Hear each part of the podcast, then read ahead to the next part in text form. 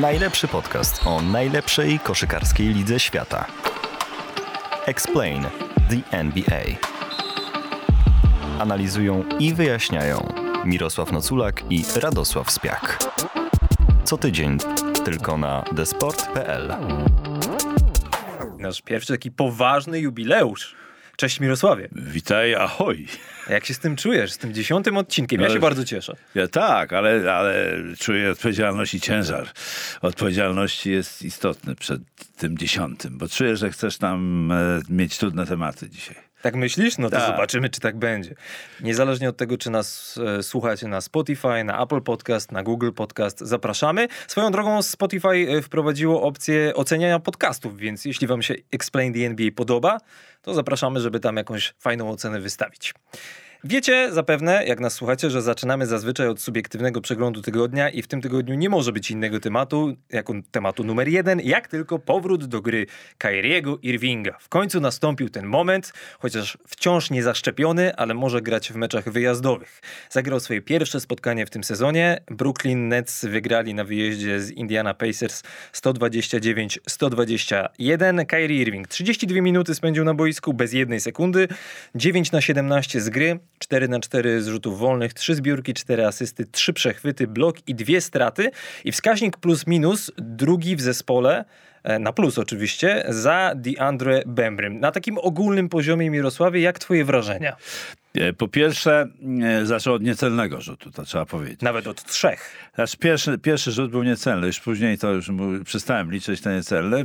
Dwa, miał dwa niecelne rzuty z dystansu, ale tylko dwa razy rzucał za trzy i to wskazuje na to, że znaczy w ogóle jak go obserwowałem, jak się zachowuje, że on jest bardzo skupiony i taki e, grzeczniutki w stosunku do kolegów, taki ułożony, żeby nie było e, mowy o tym, że on tutaj się e, rozbija, tak wchodził w, ten, w tę grę, miałem takie wrażenie, to jest subiektywne oczywiście, wchodził bardzo delikatnie, ale podobało mi się to. Generalnie te jego, jego zatrzymania przed rzutem, e, dojście do rzutu z półdystansu, większość rzutów z półdystansu czy spod kosza, e, no wykonane fantastycznie. Kyrie Irving zaczął od trzech niecelnych rzutów. W pierwszej kwarcie, w pierwszych dziewięciu minutach popełnił też dwie straty. Potem było coraz lepiej, aczkolwiek faktycznie dość dużo starał się wchodzić pod kosz. Dużo rzutów też z kontry oddawał spod samej obręczy. E, Ja mam takie wrażenie, bo ta pierwsza akcja, o której mówisz, ten pierwszy niecelny rzut, Steve Nash w ogóle powiedział po meczu, że ta, ta pierwsza akcja była ustawiona właśnie dla niego, bo to był taki prezent e, na, na czas jego powrotu na boisko. Na No tak, zasadzie, nie kryty- fajnie, nie fajnie że jesteś z nami z powrotem. Nie, niekryty rzucał gdzieś z 4 metrów, sprzed linii rzutów wolnych, tak, jeżeli dobrze pamiętam. Natomiast Brooklyn grając w zasadzie w pełnym składzie, bo byli i Kevin Durant, i James Harden, i LaMarcus Aldridge, Bez Joe Harrisa. bez Joe Harrisa tylko, e, no trochę się z tą Indianą męczyli. Indiana gra bez Carisa Leverta, bez Malcolma Brogdona, Nie bez kontuzjowanego Toreya Craiga? Tak. bez Jeremiego Lamba. Mówiliśmy o tym w naszym podcaście wcześniej i ja dalej to podtrzymuję, że przy takich e, obiektywnych okolicznościach, że to tak nazwijmy, wszyscy zdrowi i bez COVID-u, to na papierze dla mnie ten Brooklyn wciąż jest faworytem do mistrzostwa. Ale jestem niezmiernie ciekawy, jak to będzie funkcjonowało z Kyrie Irvingiem, bo teraz no, zagrał ten mecz w Indianapolis, i teraz już Brooklyn ma dwa mecze u siebie. Grać i trenować nie może. Potem ma dwa, mają dwa mecze na wyjeździe, Portland i Chicago. Potem wracają na dwa do siebie, potem cztery na wyjeździe.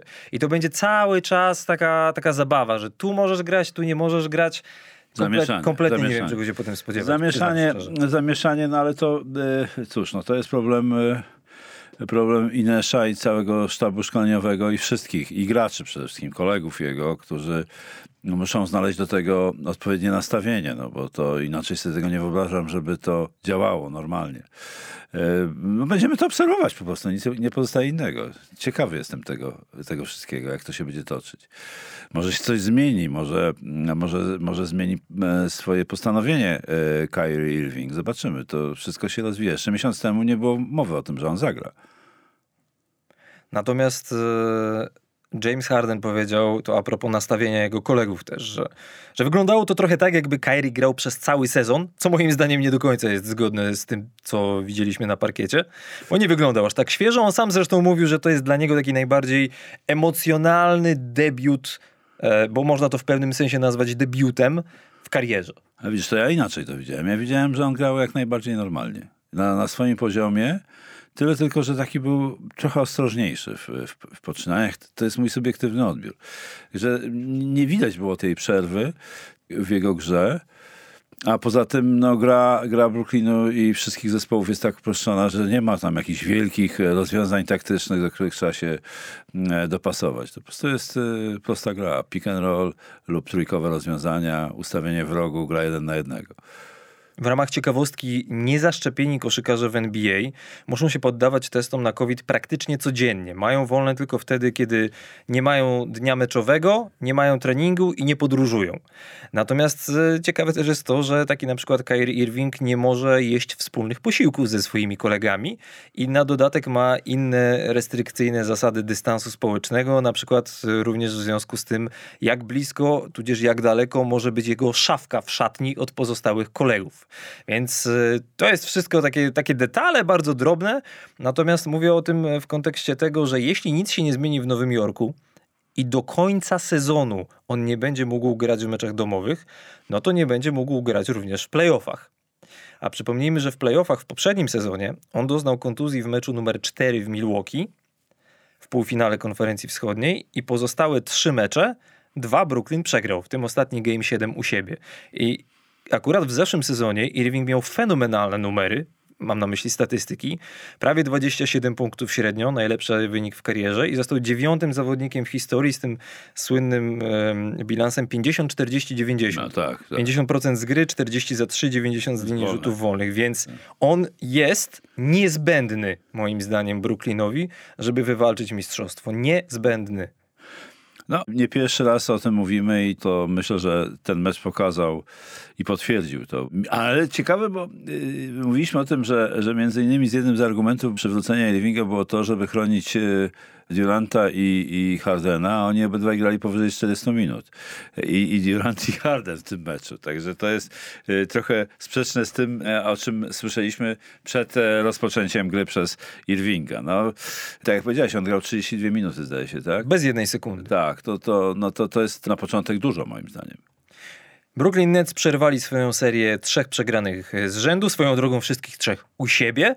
Wygrali teraz w Indianie, mają bilans 24-12 i są na drugim miejscu na wschodzie tylko za Chicago Bulls, którzy mają 8 wygranych z rzędu. Ale my szerzej o Chicago Bulls już rozmawialiśmy, więc teraz przeniesiemy się na zachód, bo tam najświeższe wieści w sprawie Zajona Williamsona. Pojawiła się właśnie informacja, że on będzie e, kontynuował swoją rehabilitację poza zespołem z dala od drużyny. Dla przypomnienia, Zion Williamson, numer 1 draftu 2019, w tym sezonie jeszcze nie zagrał e, ze względu na e, kontuzję prawej stopy. On złamał tę stopę w przerwie międzysezonowej, kiedy trenował ze swoim ojczymem, który jest e, no, jego takim powiedzmy superwajzorem, jeśli chodzi o treningi między sezonami. No i wydawało się na początku, że on będzie w stanie wrócić na początek sezonu. Potem mówiło się o tym, że może wróci w grudniu. Natomiast w grudniu Pelicans poinformowali, że nie będzie go przez kolejne 4-6 tygodni. I ja już wtedy tak myślałem, że to jest taka zakamuflowana informacja, że on jednak w tym sezonie już nie wróci. I jak patrzę na to, co się dzieje teraz, gdzie no właśnie jak słyszymy będzie miał tę rehabilitację już poza drużyną, to jestem tego coraz pewniejszy i trochę się martwi o jego przyszłość tak ogólnie, przyznam szczerze zupełnie. Jeżeli mam być szczery, ja z kolei, to od początku jak go zobaczyłem, zacząłem się martwić o jego przyszłość ze względów oczywistych, że on ma po prostu gabaryty takie, że, że i przy tej jednocześnie przy tej skoczności dynamice, że to to jest duży kłopot dla takiego zawodnika. No, z nadwagą, powiedzmy wprost, bo to nie, nie, nie ma co tutaj się bawić w jakieś opowieści dziwnej treści, bo on ma nadwagę i, i teraz y, widziałem jakiś film kilka tygodni temu, jak zaczął tam jakieś wykonywać proste mm, ruchy koszykarskie, czyli krok obronny, odstawno-dostawny, to wyglądał koszmarnie. Więc e, być może, że, że masz rację. On w ogóle, to już było widać od początku, że w pierwszym sezonie bodaj zagrał 24 mecze e, jako, tak jako rookie. Potem... Aczkolwiek to był ten sezon przerwany przez COVID, więc nie było pełnych 82. Ale tak, oczywiście. Potem miał w drugim sezonie całkiem przyzwoicie, bo chyba na 72, 60 albo 61. 61 konkretnie. Więc- A w tym pierwszym sezonie, jeszcze tylko dodajmy, y, zagrał tylko 24 mecze ze względu na kontuzję kolana z kolei. Tak, tak. I to kolano, tutaj kontuzja tych kości śródstopia to jest bardzo e, trudne do leczenia z tego, co, co wiem. I to są kontuzje zawsze dolegliwe, nazwijmy to tak. Zatem on y, może nie zagrać w tym sezonie i mm, boję się, że to jest zagadka, co się za, za tym kryje, że on, on nie potrafi utrzymać wagi mm, i nie potrafi tak o siebie zadbać, bo on powiedział takie zdanie, że całe jego życie to koszykówka, więc powinien, wydaje się, za tym podążać, za tą myślą. Ale wiesz, co ci powiem, Mirosławie? Jak on grał przez rok na uczelni Duke u Majka Krzyżewskiego, tam był taki słynny mecz przeciwko North Carolina, no bo mecze Duke-North A, Carolina to jest- to trochę jak Lakers-Celtics w NBA, tak, jest. upraszczając oczywiście powiedzmy. Tak. tak. I w 36 sekundzie meczu skręcił kolano po tym, jak stopa mu przeszła przez but.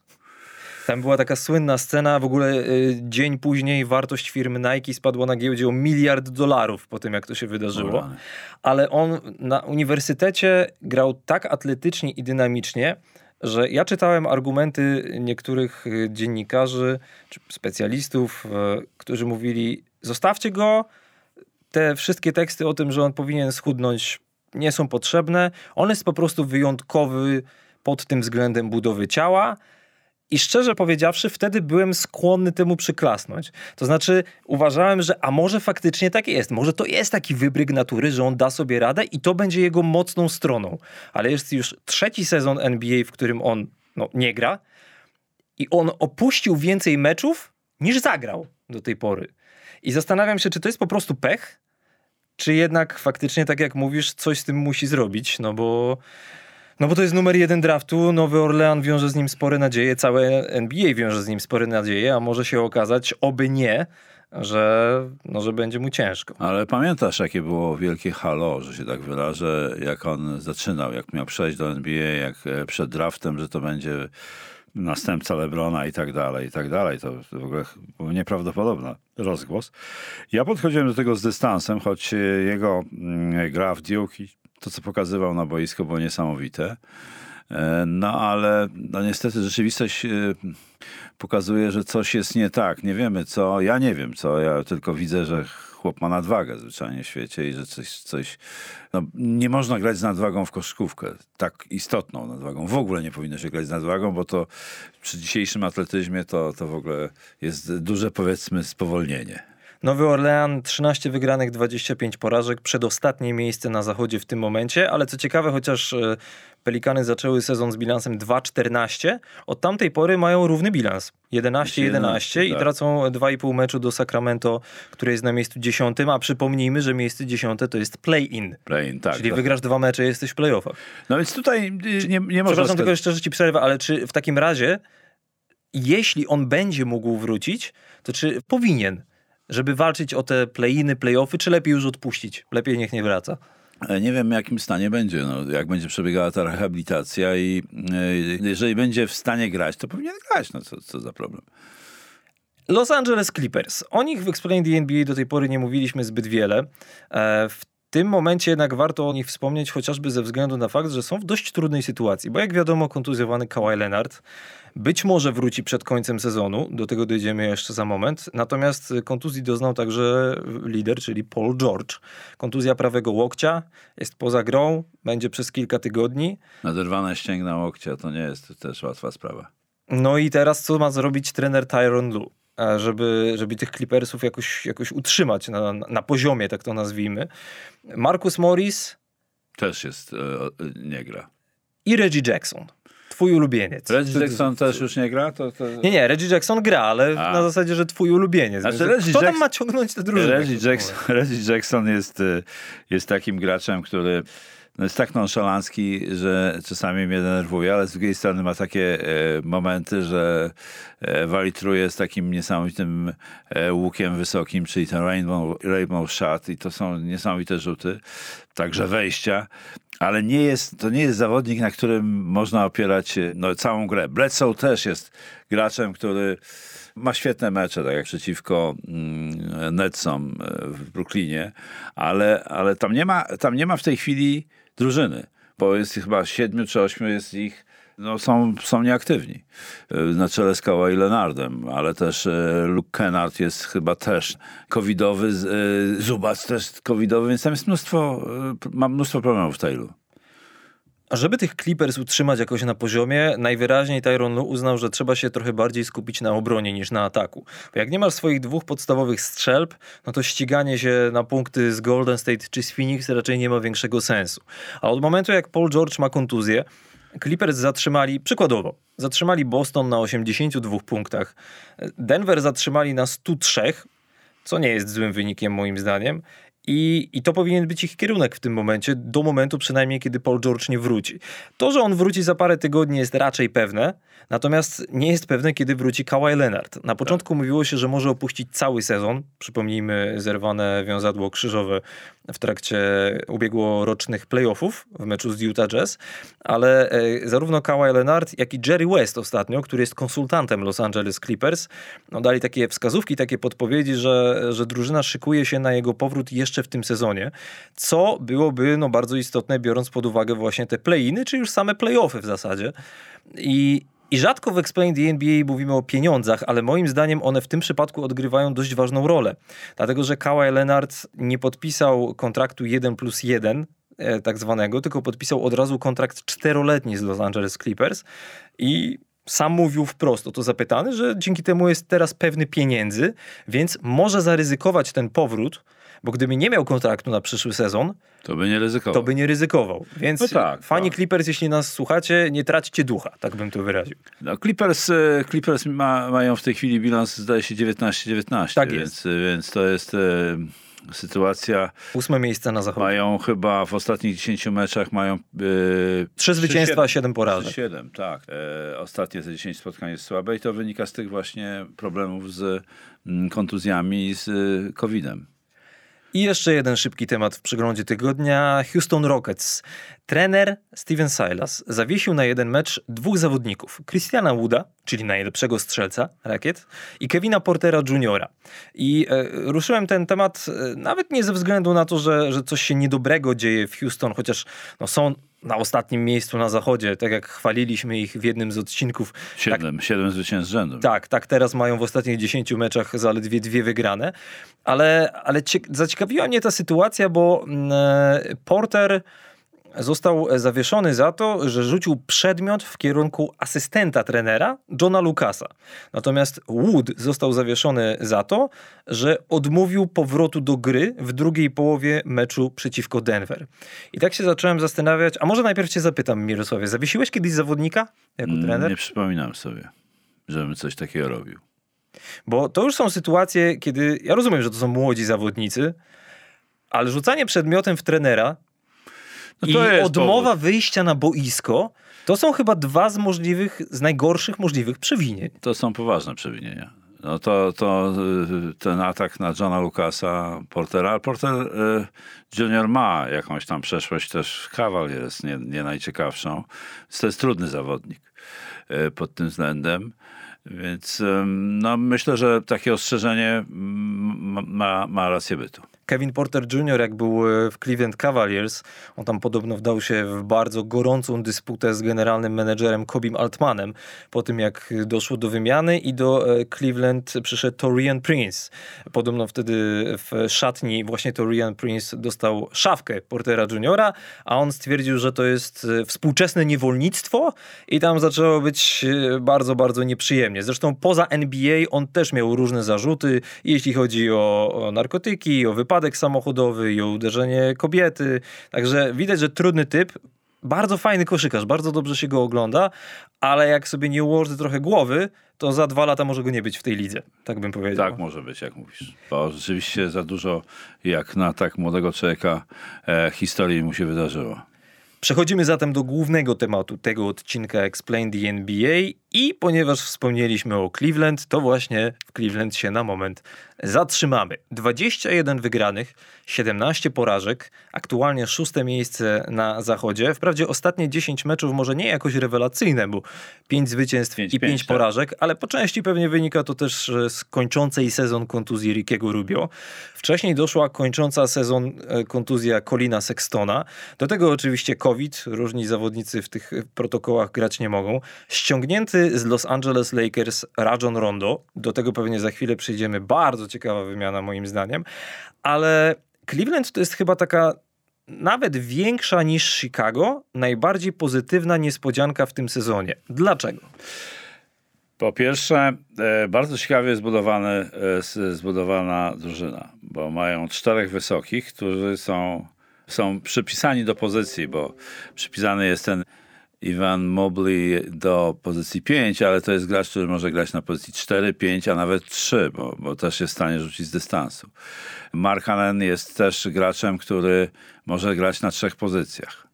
E, bo jest niby czwórką, ale może grać jako trójka, bo też strzela z dystansu i pod koszem sobie trudniej radzi, w najmniejszym stopniu z nich. Najbardziej określonym typem, jeżeli chodzi o wysokich, jest środkowy Jared e, Allen, który może grać tylko w pobliżu kosza, bo nie dysponuje ani rzutem z półdystansu, mu się zdarza, że trafia, ale, ale to jest rzadkość. On głównie operuje blisko kosza i to, to jest gracz w zasadzie bezmanewrowy, chociaż w ostatnim meczu widziałem taki manewr, który mnie zaskoczył, bo zagrał tyłem do kosza i ze zwodem do linii końcowej poszedł do środka i ładnym ładnie położył piłkę na obręczy. Także, także to, jest, e, to jest bardzo ciekawe. No i jest weteran e, Kevin Love, który może też grać na każdej pozycji z tych trzech, które wymieniałem. Od, zaczynając od czwórki przez trójkę i również pod koszem się dobrze zachowa. Zatem tu jest niesamowita moc Cleveland. To, to nikt chyba takiej mocy pod koszem nie ma, jak oni. Na pozycjach 4-5. Natomiast deficyt moim zdaniem mają na, na wodzie trochę, bo tak naprawdę e, nie mają ani rzucających obrońców takich klasycznych, jak teraz e, Sexton, którego nie ma, który mógł grać, to jest taki typ combo, więc mógł grać jeden, na jedynce i na, na dwójce, czyli jako rzucający obrońca. Już go nie ma. Okoro i Osman jest, to jest raczej, to są trójki. E, zatem, i to jest ich tylko dwóch, bo tam jeszcze jest, e, jest, jest jeszcze paru graczy takich, którzy nie mają doświadczenia zbyt wielkiego, więc wymiana ich na, w grze jest, no, rotacja w grze jest dosyć utrudniona. Mają fenomenalną jedynkę Dariusa Garlanda, który jest jedno takim nowoczesnym obrońcą, znaczy rzucającym, y, prowadzącym grę, bo też mm, świetnie strzela z dystansu. No i co, jest co mi się najbardziej podoba, w grze Cleveland, że oni grają bardzo uproszczoną koszykówkę. Grają jakakolwiek okazja do kontry, to jest kontra. Jak jakkolwiek okazja do Lupa, do Gilletta Allena, czy do, do Iwana Mobleya w wykonaniu Garlanda, czy któregokolwiek z zawodników, to natychmiast to robią. E, I, I to jest e, drużyna, którą się z przyjemnością ogląda, ponieważ ten e, Allen to jest przede wszystkim, no gra tak widowiskowo pod koszem, że, że to jest świetnie się ogląda. Natomiast mają, mają, mogą mieć teraz problem z rotacją, bo, bo są, te, są te kontuzje, bo Garlanda, Garlanda nie ma kto zastąpić. No, Pongos jest graczem... Pangos, Kevin Pangos, Pangos. przepraszam, jest graczem który no, nie, nie, nie ma standardu NBA, umówmy się. No, to może... Wcześniej grał w Europie, Barcelona, Zenit, Sankt tak, Petersburg. Wiele lat grał, między innymi tak kiedyś mi mówiłeś poza anteną, że z Mateuszem grał w Petersburgu. Więc to, tak jest. E, to wszystko e, powoduje, że e, ten, ta, ta, ta kontuzja tych dwóch, Sextona i Rubio, to jest naprawdę poważny cios w, w, ten, w ten zespół, bo, bo Rubio grał świetnie ten sezon. E, Sexton wiadomo, to, jest, to, jest, to był lider do tej pory tego, e, tego, tej drużyny w poprzednich e, dwóch latach i brak tych dwóch może spowodować, że, że Cleveland po świetnym początku mogą mieć problemy z utrzymaniem miejsca w playoffie. Jeśli chodzi o te kontuzje, no to właśnie ściągnięto Rajona Rondo z Los Angeles Lakers. E, przyszedł e, do Cleveland Cavaliers, on już 35-letni, przecież bardzo doświadczony rozgrywający, więc to pewnie w jakimś stopniu trochę pomoże na, na pozycji numer jeden, nawet w dużym stopniu powinno pomóc Cleveland Cavaliers, ale z mojej strony tak. Zacznę od tego, że dwa sezony temu, kiedy zrezygnował poprzedni trener Cleveland, czyli John Beeline, Cavaliers byli najgorszą obroną w NBA. W poprzednim sezonie mieli 25. obronę w NBA, czyli piątą od końca.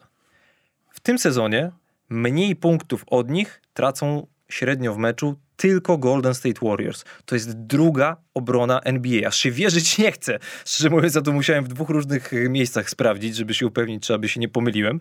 Ale nie, to jest druga obrona NBA. Traci średnio tylko 102,6 punktu.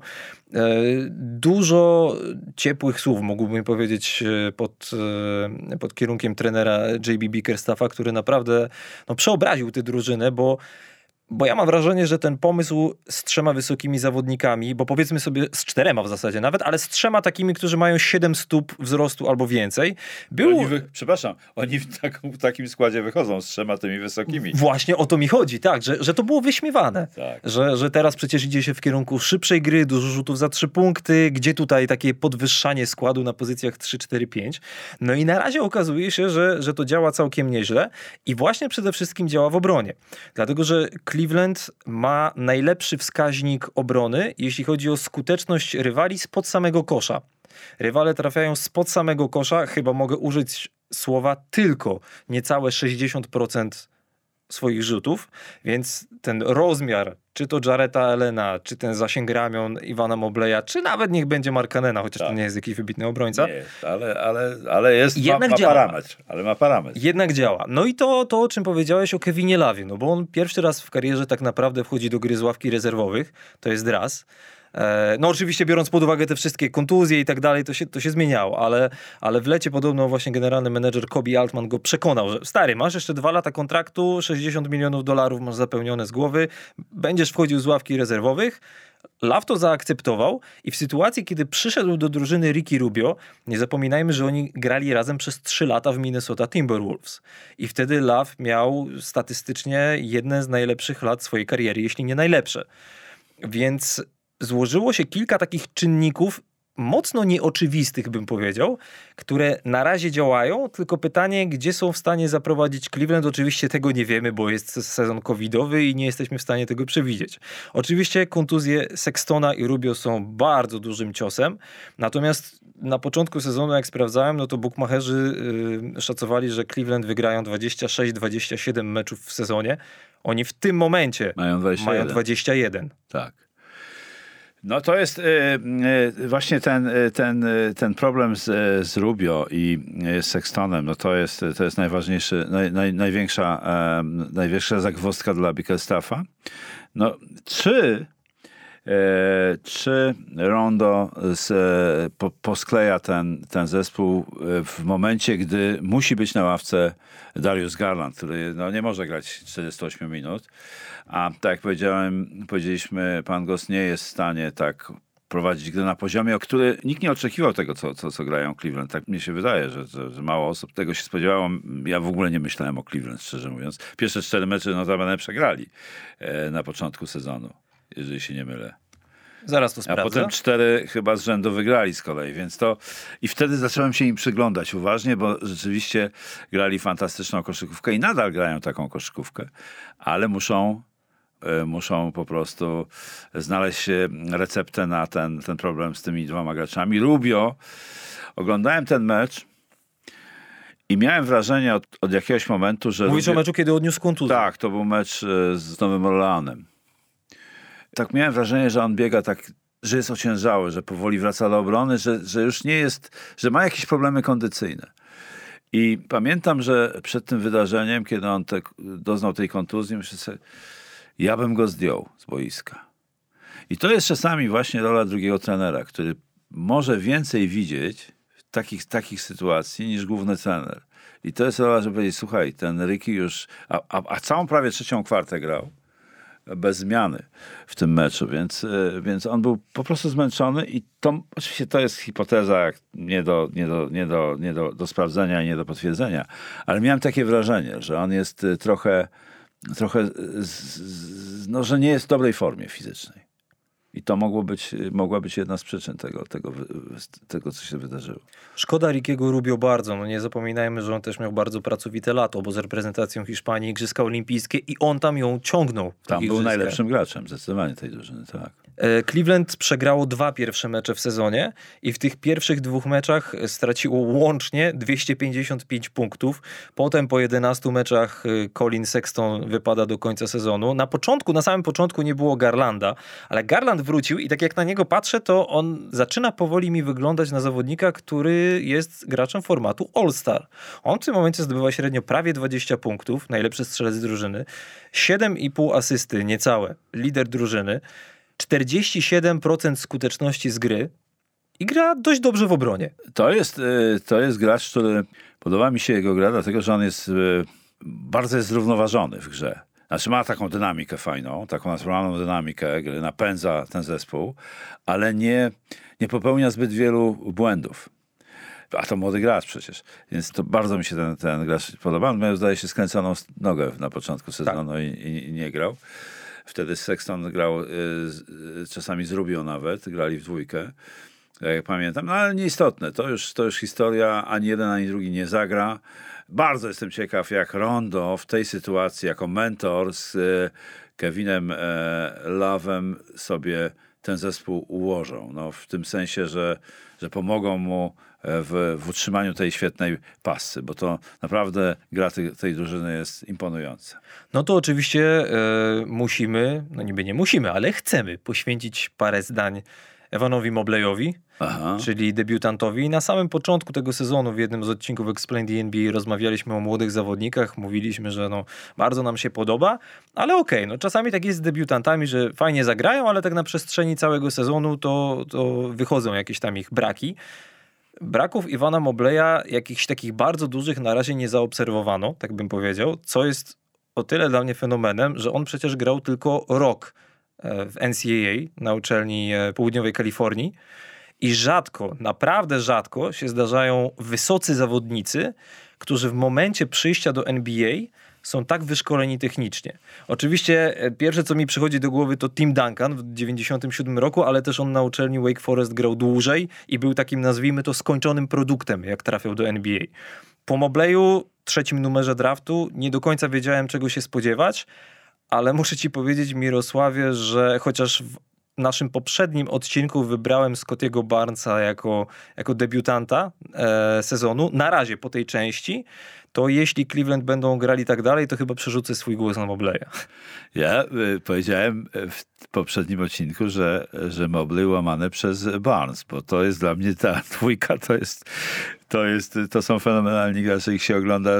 E, Iwan Mobley jest, e, wiesz co, jak ja patrzę na Iwana Mobleya, to, to już się zmieniło, bo na początku to wydawało mi się, że te kolana mu się rozlecą, już się poprawił fizycznie, to po prostu gra na tym poziomie jest niesamowita. Ale dla mnie najbardziej to, e, co mnie, e, e, co mnie porusza, jak patrzę na, na, na, na jego grę w polu 3 sekund, to że ten chłopiec, taka trzcinka tam w tym polu 3 sekund, że on w ogóle nie ma żadnych problemów ze, znalezieniem sobie pozycji, utorowaniem sobie drogi do kosza w grze tyłem do kosza czy, czy przodem do kosza, kompletnie nie ma to znaczenia.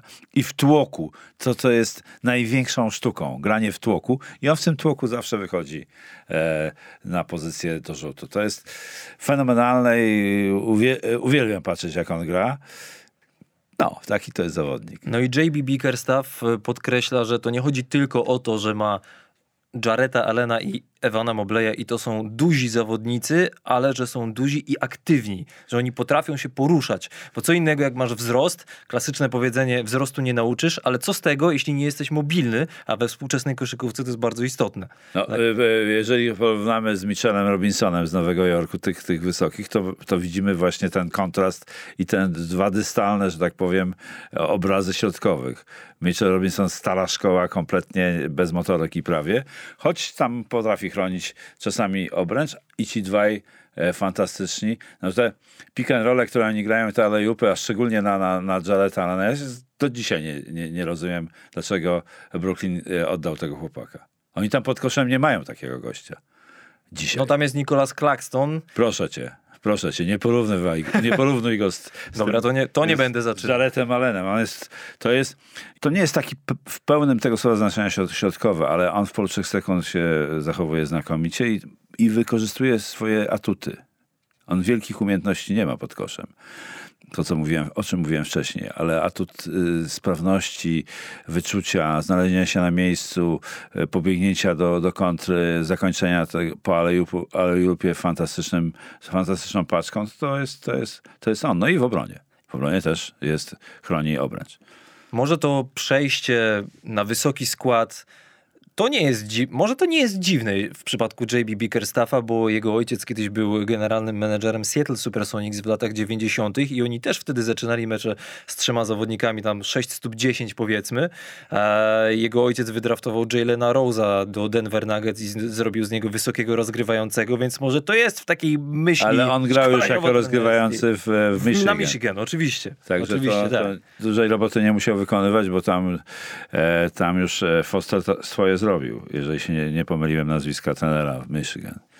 E, W Cleveland wierzą najwyraźniej w JB Bickerstaffa, dlatego że e, podpisali z nim przedłużenie kontraktu do sezonu 2026-27, więc ma trochę spokoju. Uuu, Każdy trener by chciał. Oczywiście sam kontrakt to jedno. Wiadomo, że każdą umowę można skrócić bądź przedłużyć, Tak. ale jest naprawdę spora szansa, fani Cleveland Cavaliers, że Cavs awansują do playoffów po raz pierwszy od 98 roku bez LeBrona Jamesa w składzie.